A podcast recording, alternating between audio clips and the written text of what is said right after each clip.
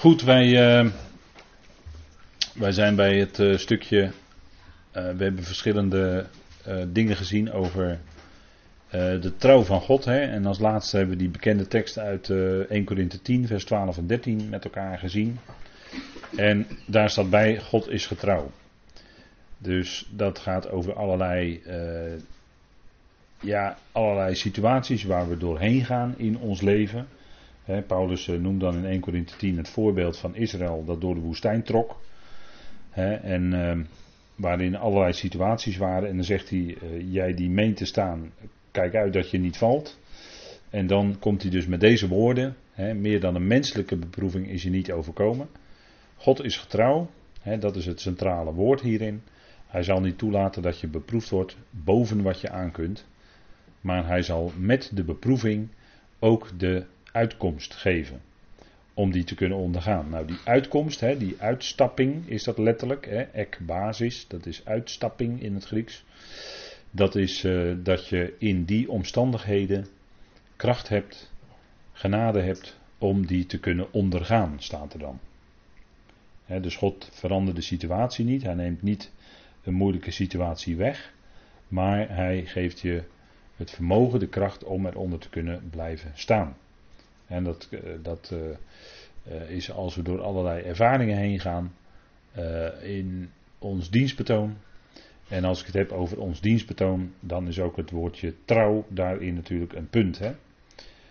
als je dient, dat je daarin trouw bent. als we gezamenlijk God dienen, dan is het belangrijk dat we, als we met een stuk werk bezig zijn, en dat zijn we, dat we daarin trouw zijn dat, dat is denk ik een, een, punt. stel je nou voor dat je ergens een uh, zaal huurt om te spreken. En uh, één keer per twee weken wordt daar gesproken. En degene die de zaal moet open doen, die uh, vergeet dat. Bij wijze van spreken. Nou, dan staan mensen buiten in de kou, als het winter is, staan ze in de kou te kleumen, want de zaal is dicht. En degene die de sleutel heeft en de zaal moest openen en de verwarming aandoen, die is er niet. Vergeten.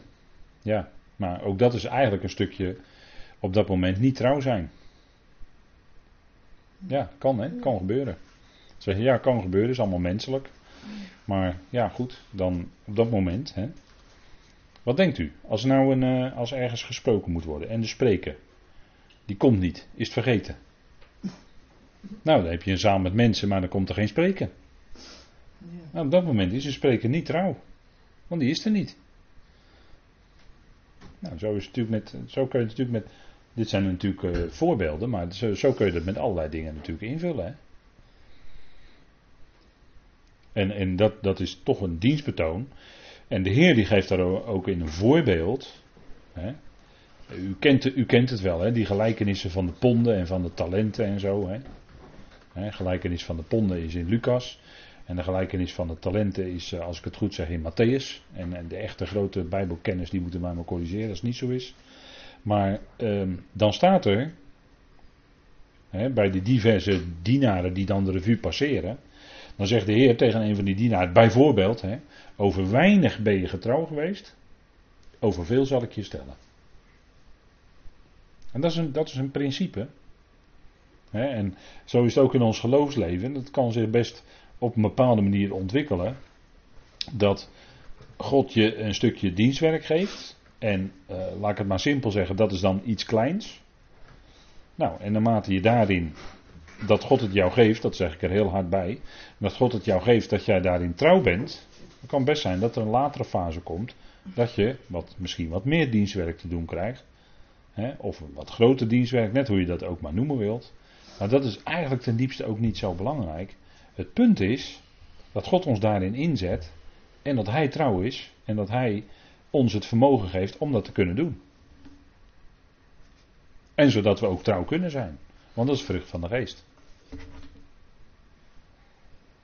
Dus als je dan achterom kijkt misschien, je bent oud geworden, 80 of zo, of 85 of 90, en je kijkt achterom, en dan constateer je in je leven dat je in, misschien in een stuk dienstwerk trouw bent geweest. Nou, ik zou zeggen, dank God er dan voor, want Hij heeft je dat vermogen gegeven. Hij heeft je die genade gegeven om dan trouw te kunnen zijn. Het is vrucht van zijn geest. dat moet je wel natuurlijk uh, bedenken. Hè? Want anders dan ga je al heel snel weer iets te groot van jezelf denken. Maar dat is natuurlijk niet aan de orde. Want God geeft je dit, dat vermogen om dat te kunnen doen. En als we het helemaal even tot de kern terugbrengen. Elke ademhaling die wij kunnen doen is van God gegeven. En als God het niet geeft, dan haal je geen adem meer. Zo liggen die dingen wel. Hè? Ik heb wel eens een collega gehad op mijn werk. Die zei, uh, vrijdag zei hij prettig weekend. Dan zeiden we allemaal prettig weekend tegen hem. En maandag kwam hij niet meer terug. Was hij in zijn slaap overleden in het weekend. Die dingen kunnen gebeuren, toch? En daarmee, toen dacht ik van, nou hier wordt maar weer geïllustreerd. Dat dus elke ademhaling die jij doet van God gegeven is.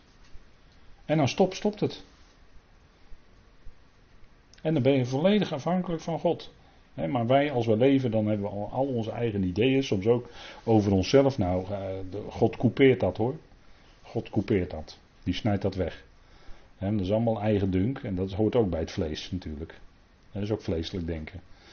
Maar wat, wat het thema is waar we ook mee bezig zijn met de Filippenzen, want ik denk dat de Filippenzen ook een hele fijne brief is.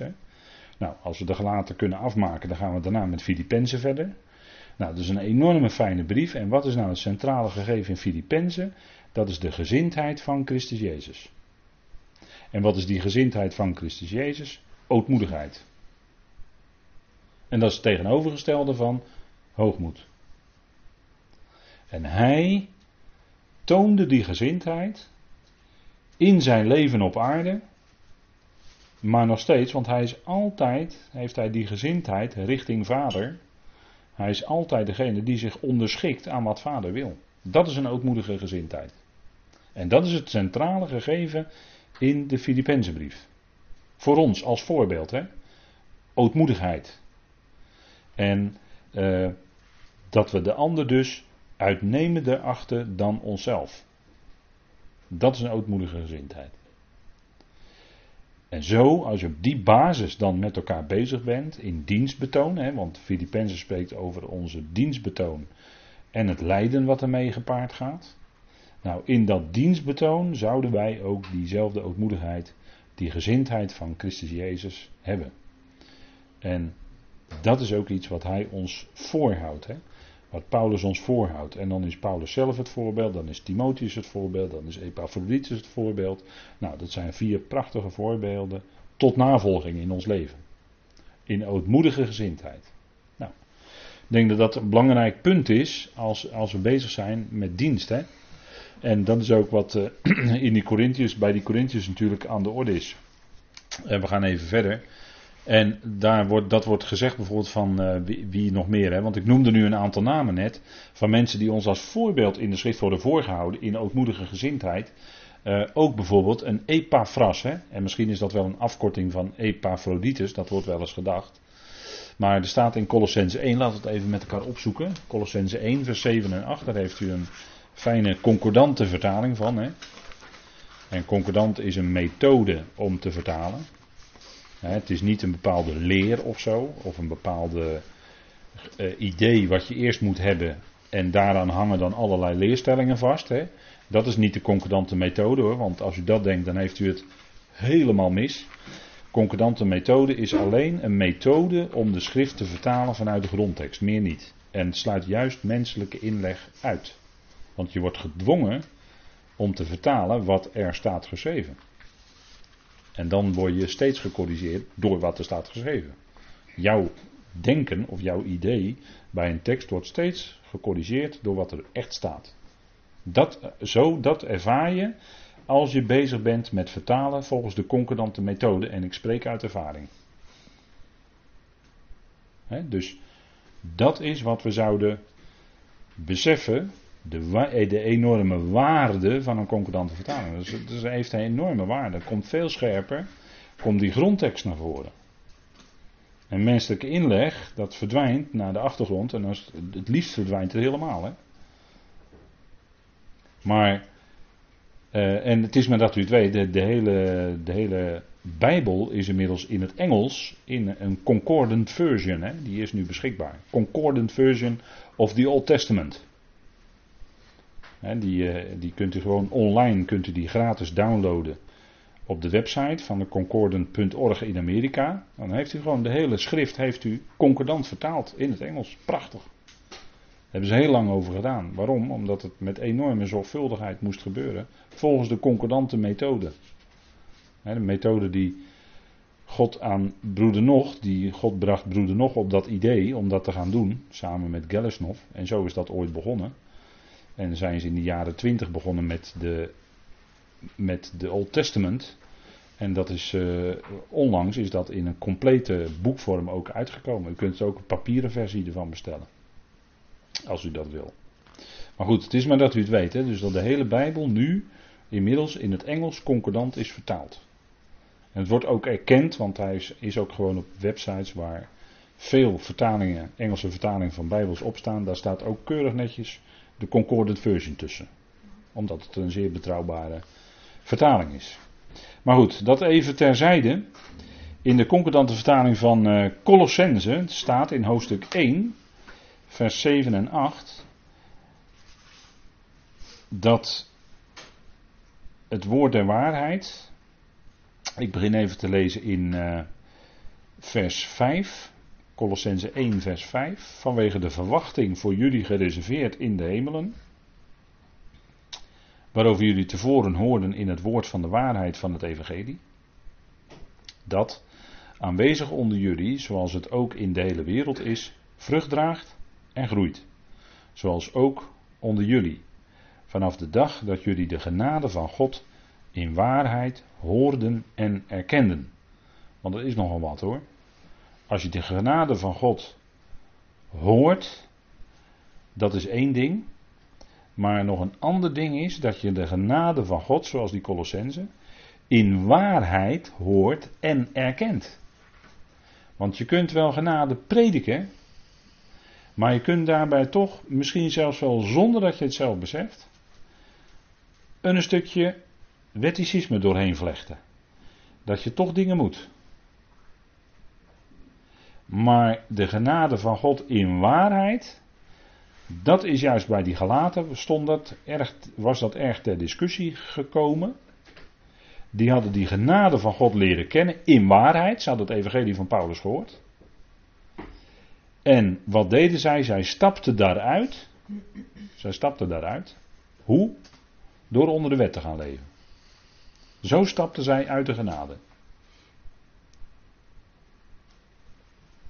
En ze hadden die genade van God in waarheid dus leren kennen. Dus de zuivere genade hadden ze gepredikt gekregen door de apostel Paulus. En zij stapten daaruit door te gaan leven onder de wet. Eigenlijk moet ik niet zeggen stappen, maar eigenlijk staat er vallen. Zij vielen, gelaten 5 vers 4, uit de genade. Hoe? Door te gaan leven onder de wet. In wetticisme en als het nou, of het nou, en dat kan zelfs nog de Mosaïsche wetgeving zijn, en dat staat ook in de Bijbel, natuurlijk, denkt u dat Paulus dat niet wist. Maar die wees heel scherp op te blijven bij die genade van God. Daar gaat die hele gelaten brief over. En je kan heel makkelijk, kan je dat, kan je die zuivere genade onzuiver maken door een klein beetje, een klein beetje zuurdesem. Maakt het hele deeg zuur. Een klein beetje. Dan heb je maar een paar gram nodig. Het hele deeg is zuur. Want zuivere genade moet zuivere genade blijven. En zodra je er dus andere dingen, vreemde elementen doorheen gaat. En daar, dat is wat je in de kerkgeschiedenis ook steeds ziet bij gelovigen. Waar hier en daar die genade werd erkend. Dan na verloop van tijd komt er weer wetticisme om de hoek kijken. En dan komt de wet van Mozes weer om de hoek kijken. En dan gaan ze zich daar weer aan houden. En noem alles maar op. Maar dat is allemaal in feite, in vergelijking met die genade die Paulus predikt, zuurdesem. Hoe raar het ook misschien klinkt, maar het is wel zo. En vandaar dat Paulus hier zegt dat die Colossens die genade van God in waarheid hoorden en erkenden. En Colosse, dat lag in Klein-Azië, in Azië. En Paulus was later in Azië niet meer welkom, want hij schrijft in 2 Timotheus, en dat gaat dan ook over die Colossense zelfs, dat allen in Azië hem verlaten hadden. Wat wil dat dus zeggen? Zij hadden het evangelie van Paulus verlaten. Dat is hetzelfde als Paulus verlaten natuurlijk. Dat bedoelt hij dan. He, 2 Timotheus 1, vers 15 staat dat. Dan zegt hij tegen Timotheus: Je weet dat allen in Azië. En dan staat er: Zij werden van mij afgekeerd. Waardoor? Nou, door boodschappers met een afwijkende boodschap. Boodschappers die een meng-evangelie brachten. Boodschappen die kwamen met de wet. Zo werden die, die gelovigen in Azië werden van Paulus afgekeerd. En die boodschappers werden natuurlijk gedreven door machten. Vrome machten, wat, wat dacht u wat? Als het zondag gaat over de, ging over de, over de wapenrusting en over geestelijke machten, nou dan zijn dat de belangrijkste. Want die tegenwerken, die wil niets liever dan dat het evangelie van de zuivere genade eh, op een of andere manier onzuiver gemaakt wordt en dat de gelovigen daarmee van het evangelie van Paulus worden afgebracht. Dat is een tactiek. Allerlei wind van leer, toch? Spreekt Efeze 4 over. Efeze 4 heeft het over uh, dat we niet langer, hè, als je volwassen bent in, in het geloof, dan word je niet langer heen en weer geslingerd door allerlei wind van leer. Nou, laat ik u vertellen dat er vandaag de dag heel erg veel wind van leer is hoor. En wind is natuurlijk geest hè, in het Grieks. Dus dan ga je, wijk je af, daardoor ga je afwijken van het evangelie van Paulus. want dat staat in 2 Timotheus 1 vers 15. Dan zegt Paulus tegen Timotheus, dit weet je dat allen die in Azië zijn van mij afgekeerd werden. Passief. Het werd dus door anderen bewerkt, werd door andere geest bewerkt, dat zij van Paulus werden afgekeerd. Onder wie Figelus en Hermogenes zijn. En dat heeft te maken met uh, het afwijken van de waarheid, heeft te maken met het afwijken van het evangelie. 2 Timotheus 1 vers 15. Dat, en dat kan ook zijn dat je een waarheid voor een bepaalde tijd, dat was bijvoorbeeld de Mosaïsche wetgeving voor Israël, dat je die in een andere tijd, bijvoorbeeld nu, de tijd van de genade, gaat toepassen. Dan ga je dus een waarheid, wet van Mozes, ga je toepassen nu, tijd van genade, en dat kan niet. En dat is wat gebeurt. Paulus noemt dan het voorbeeld in 2 Timotheus van de opstanding. Dat Hymenaeus en Philetus zeiden dat de opstanding al had plaatsgevonden en dat er dus in de toekomst geen opstanding meer komt. Maar daarmee verlegden zij de waarheid, een geweldige waarheid die in de toekomst werkelijkheid zal worden, de opstanding, verlegden zij naar het verleden. Ze passen dus in de verkeerde tijd toe. Nou, dat is nou typisch wat de tegenwerker doet. die zegt dan, ja, dat zeg je nou wel, maar je moet het heel anders lezen. Of dat staat er wel, maar het is heel anders bedoeld. dat is het werk van uitleggers. Hè? die, die menen dat het hun taak is, in hermeneutiek wordt dat dan genoemd.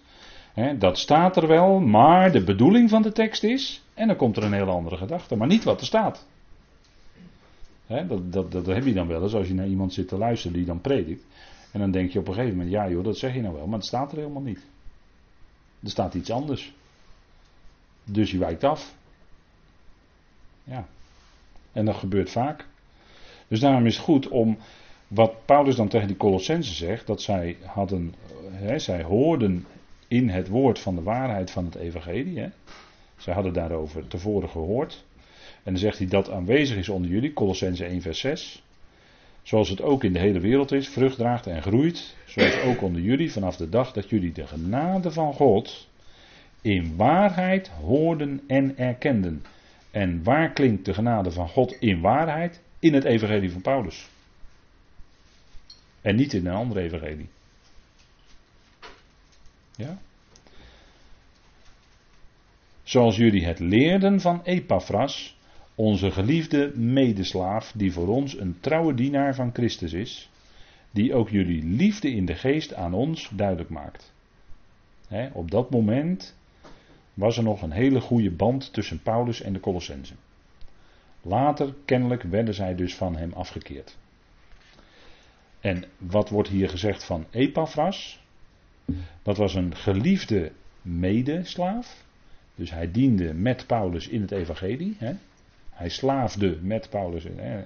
Dat is de Heer als slaaf dienen. Dat wil zeggen, de Heer wijst aan en jij gaat het doen. De Heer zegt, je gaat die kant op of je gaat dat doen en dan ga je dat doen. Dat is, dat is de verhouding Heer en slaaf. Hè? Nou, Paulus zegt, Epaphras is onze geliefde medeslaaf, die voor ons een trouwe dienaar van Christus is. Hij, hij, hij, was helemaal geen dienaar van Paulus, natuurlijk niet. Maar hij was trouw. Hij diende samen met Paulus. Wie diende hij? Christus. Dat is ook wat voor ons voorop zou staan. Wij dienen niet andere mensen. En we kijken niet naar de ogen van mensen, maar we dienen de Heer. We dienen Christus. Daar gaat het om. Nou, en daarin was Epaphras trouw. Hè. Er wordt gezegd dat hij trouw is. Nou, dan zeg ik, dat is een, een, stukje vrucht van de geest. Dat is vrucht van de geest. Dat hij trouw is, dat is de geest in hem bewerkt. Hè. En daarin is ook zo'n Epaphras een voorbeeld voor ons. want in het dienstwerk wat wij dan mogen doen bij gelegenheid, nou daarin trouw zijn, dat is dat de Heer gewoon, dat Christus over je kan beschikken. Dat als Hij iets van je vraagt, hoe dat dan ook maar tot je komt, maar dat maakt niet uit. Als Hij iets van je vraagt, als je dat zo verstaat, dan, eh, dan is het voor jouw zaak om het te doen. En dan blijkt weer een stukje trouw. Ja, goed, dat, maar dat, dat is alleen maar dan fijn om te doen, denk ik. Nou, trouwe dienaar van Christus, die ook jullie liefde in de geest aan ons duidelijk maakt. Dus daar was een goede band tussen de Colossense en Paulus. En ik denk dat dat uh, fijn is als je dat ziet. Hè? Dat, uh, dat, dat er een goede verstandhouding was. En dan 1 Korinthe 4, vers 2, eigenlijk als uh, slot voor vanavond. En laten we het stukje even met elkaar opzoeken, 1 Korinthe 4. Want ik denk als we praten met elkaar over dienstwerk, hè, en we zijn ook bezig met Filippenzen, dienstwerk en trouw daarin zijn, dat, dat heeft wel een bepaalde uh, betekenis, dat heeft wel een bepaalde uitwerking. En laten we even met elkaar lezen. 1 Korinthe 4. Laat ieder mens, vers 1, laat ieder mens ons, dat is dan Paulus en zijn medewerkers, zo beschouwen als dienaren van Christus en beheerders van de geheimenissen van God. En voor het woord dienaren staat hier niet het bekende woord diakonos, maar hè, wat we kennen in die kerkelijke ambt van diaken, hè, daar komt dat woord in terug. Maar hier staat eigenlijk uh, ja, mensen die roeien. Denk aan het beeld van galeislaven die onderin dat schip zaten. En die moesten dan op een bepaald tempo roeien. Hè. Hier wordt letterlijk dan het woord onderroeier gebruikt. En als dienaren van Christus en beheerders van de geheimenissen van God. Nou, dat is wat Paulus mocht doen. Hè. Hij was uh, beheerder van de geheimenissen van God. Hij mocht die geheimenissen van God bekendmaken. En dan wordt daarvan iets gezegd, hè? dan zegt Paulus daar iets van in vers 2. En verder wordt van de beheerders verlangd dat zij betrouwbaar blijken te zijn. dus eh, in dat woord betrouwbaar zit natuurlijk trouw. Hè? Dat zij trouw blijken te zijn. dus dienaren of uitdelers, hè? Uh, uitdelers, beheerders van de geheimenissen van God. Uh, ja, zegt Paulus, maar van die beheerders wordt verlangd dat zij trouw en betrouwbaar blijken te zijn. en da daarin, zegt Paulus, want Paulus wilde trouw zijn aan dat wat hem was toevertrouwd en wat hij uitdeelde, die geheimenissen. Hij wilde trouw zijn aan zijn Heer. En dan zegt hij, maar het betekent voor mij weinig dat ik door jullie beoordeeld word. Want hij werd me even beoordeeld door die Corinthiërs hoor. Jongen, jongen, jongen, als je die brieven leest. Nou, nou. Dat lijkt eh, vandaag de dag wel. dat of ik door jullie beoordeeld word. Of door een menselijk oordeel. He, dan staat er letterlijk of door een menselijke dag. Want een dag, het begrip dag in het Nederlands, daarin kennen wij dat ook nog wel. Dat heeft ook iets te maken met een vorm van gericht. Hè? Want als jij nou naar de rechter moet, dan krijg jij een dagvaarding. Dat heet een dagvaarding. Dus dan moet jij komen om beoordeeld te worden. En dan zegt Paulus, ja, ik beoordeel ook mijzelf niet. Want ik ben mij van niets bewust. hij wilde dienaar zijn, echt zo'n galeislaaf als het ware, in de dienst van Christus. En dat, wilde hij met zijn, dat deed hij met zijn volle inzet. Dat deed hij volledig uh, gewetensvol. En dan zegt hij, want ik ben me van niets bewust, want die Corinthiërs die wilden hem allerlei dingen in de schoenen schrijven, of de Corinthiërs waren wantrouwig naar hem. De Corinthiërs die keken naar, op een bepaalde manier aan hem, die hadden hun oordeeltje wel over Paulus klaar, van hij doet dat en dat, nou dat zal hij wel daar en daarom doen. Of hij doet zus en zo, dat zal hij wel daar en daarom doen. He, zo waren ze constant aan het redeneren over Paulus. Was wil helemaal niet zeggen dat het waar was. Maar Paulus zegt, kijk, ik ben mij van niets bewust, maar daardoor ben ik niet gerechtvaardigd. Paulus ging zich niet rechtvaardigen tegenover die Corinthiërs. Maar hij zegt, wie mij beoordeelt is de Heer. Hij werkte onder de Heer in afhankelijkheid van de Heer. En hij stond, hij had een relatie met de Heer zoals wij die ook hebben.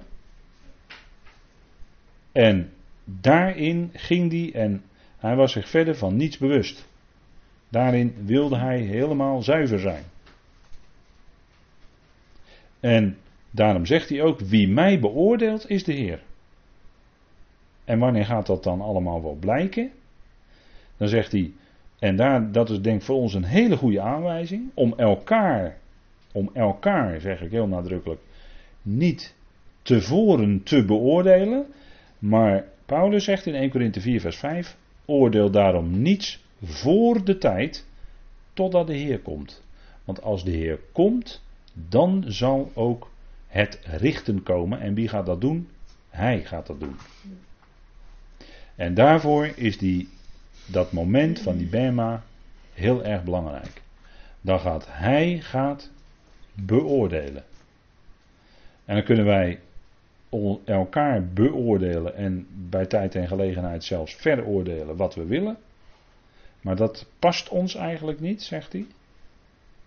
Want we zouden zaken dan overlaten aan dat moment, aan het moment van de Bema. En dat is heel goed om dat te doen. Niet te oordelen, niet, te, niet hè, je, je, je, want je weet niet de motieven die iemand op een gegeven moment heeft. Dat weet je niet allemaal. Dat kun jij niet allemaal beoordelen. En daarom is het goed bepaalde dingen die je misschien heel moeilijk hebt gevonden, of misschien nog wel vindt, om, ook als er nu geen oplossing komt, om het maar even menselijk te zeggen, uit zo'n bepaald dilemma of wat dan ook, om dat als het ware over te laten aan de Heer bij de Bema. En de Heer zal daarin dan wel beoordelen. En de Heer zal het daarin dan wel laten zien. En ik zeg niet dat het makkelijk is, want soms is dat heel moeilijk. Maar wij zijn niet geroepen om nou eens even onderling elkaar privé de oren te wassen of zo. Daarvoor zijn we niet geroepen. Want Paulus zegt: oordeel daarom niets voor de tijd totdat de Heer komt. Hij, want dat staat erbij, hè. Hij zal ook wat in de duisternis verborgen is aan het licht brengen en de voornemens van het hart openbaar maken. Daarom zeg ik, wij kennen elkaars motieven niet. En we kunnen elkaar misschien wel eens verdenken van onzuivere motieven. Maar daar moet je erg voorzichtig mee zijn. Want jij weet niet alle motieven die de ander heeft. En dan zal ieder, staat er ook bij, dan zullen de voornemens of de raadslagen van het hart, zullen daar openbaar gemaakt worden. Waar? Bij de Bemma. Als de Heer komt, als de Heer gekomen is. En dan zal ieder van God lofprijs ontvangen. En dat is het verrassende, hè? Dat is het verrassende. Ieder zal van God lofprijs ontvangen. Paulus zegt, hij spreekt natuurlijk over een bepaalde dag. Want we hebben onlangs met elkaar stilgestaan bij de dag van Christus. Hè? Weet u nog? Vorige week, Filippenzen. De dag van Christus. Nou, daar spreekt hij ook over in 1 Korinthe 3 en in 1 Korinthe 4. Want 1 Korinthe 4 vallen we in een tekstverband. Want hij heeft al eerder in 1 Korinthe, in 1 Korinthe 3 iets gezegd over die dag. Hè? En laten we het ook maar even met elkaar erbij lezen. Dan ziet u het wat meer in het tekstverband staan. Want je moet de dingen, dat zei Pieter Zondag heel terecht, je moet de dingen altijd in een context, in het tekstverband laten staan waarin het staat. En je kan niet zomaar losse teksten plukken. Dan zegt hij in 1 Corinthië 3 vers 13, ieders werk zal openbaar worden. De dag, welke dag is dat? Nou, dat is de dag van Christus. De dag zal het namelijk duidelijk maken, omdat hij in vuur verschijnt. Dat is een beeldspraak natuurlijk. Hè? En hoe ieders werk is, zal het vuur beproeven. Als iemand werk is dat, dat hij gebouwd heeft, standhoudt, zal hij loon ontvangen. En als iemands werk verbrandt, zal hij schade lijden. Hij zelf echter zal gered worden, maar wel zo als door vuur heen. Nou, dat is het. Vuur is een beeld van gericht in de schrift. En zo gebruikt Paulus dat hier. Hè? En dat doet hij omdat hij gesproken heeft over hout, hooi en stro. En dat, zoals u weet, verbrandt dat heel snel als dat in vuur komt. Heel snel. En edelgesteente, of grote stenen, of kostbare stenen, goud en zilver, dat wordt juist door het vuur gelouterd, maar blijft wel bestaan. Dat, is de, dat weten wij uit de natuur. Hè? En dat werk, daarvan zegt Paulus, dat werk, al ons werk, zal getoetst worden, maar dat werk zal stand houden in het vuur. En dat zal de Heer dan toetsen en zal iemand loon ontvangen. En anderen die misschien heel druk bezig geweest, geweest zijn en heel veel tijd hebben gestopt in hout, hooi en stro, die zullen daar ontdekken dat het allemaal daar verbrandt. En dan heb je niets. Of heel weinig. en een, een, een, zeer bekwaam broeder, bijbeluitlegger, die ik eh, zeer hoog acht, eh, die heeft daarvan gezegd, je kunt beter weinig na het vuur hebben dan veel ervoor. En daar denk ik vaak over na. Ja? Nou, kijk, en dat heeft natuurlijk ook te maken met als wij nadenken over de vrucht van de geest, trouw. Want het werk waarin wij bezig zijn, daarin zouden we ook trouw zijn. En en u, u, u hoort het al, trouw, dat heeft alles te maken natuurlijk met die andere aspecten ook van de vrucht van de geest. Liefde. Trouw heeft ook te maken met liefde. trouw komt voort uit liefde. Want liefde staat bovenaan bij die vrucht van de geest. Liefde omvat alles. Dus ook de trouw. trouw komt voort uit liefde. Nou, en dat is wat we ook tot de Heer hebben. We hebben de Heer lief. Nou, dan ben je ook trouw aan de Heer. Daar gaat het om. We zijn trouw aan Hem. We zijn niet, we zijn, we zijn niet trouw aan, aan uh, X of Y of aan, uh, of aan een een of andere menselijke organisatie. Daar zijn we niet trouw aan. Nee, we zijn trouw aan de Heer in wat we doen. In grote dingen, in kleine dingen, in ons dagelijks leven. In het werk wat we doen, op welke manier dan ook, of waar dan ook, of wat dan ook. Maar daarin trouw zijn. Daar uit het zich ook in. Nou. Dus, en dat is heerlijk, want dat is wat hij door ons heen uitwerkt. want uiteindelijk uh, is God het die dat in ons werkt. daar, daar gaat het allemaal om. En daar zijn we dan dankbaar voor dat hij ons zo dan kennelijk gebruikt en wil gebruiken in zijn dienst. Nou, dat is fijn, denk ik. Goed, ik wil het hierbij laten voor deze avond.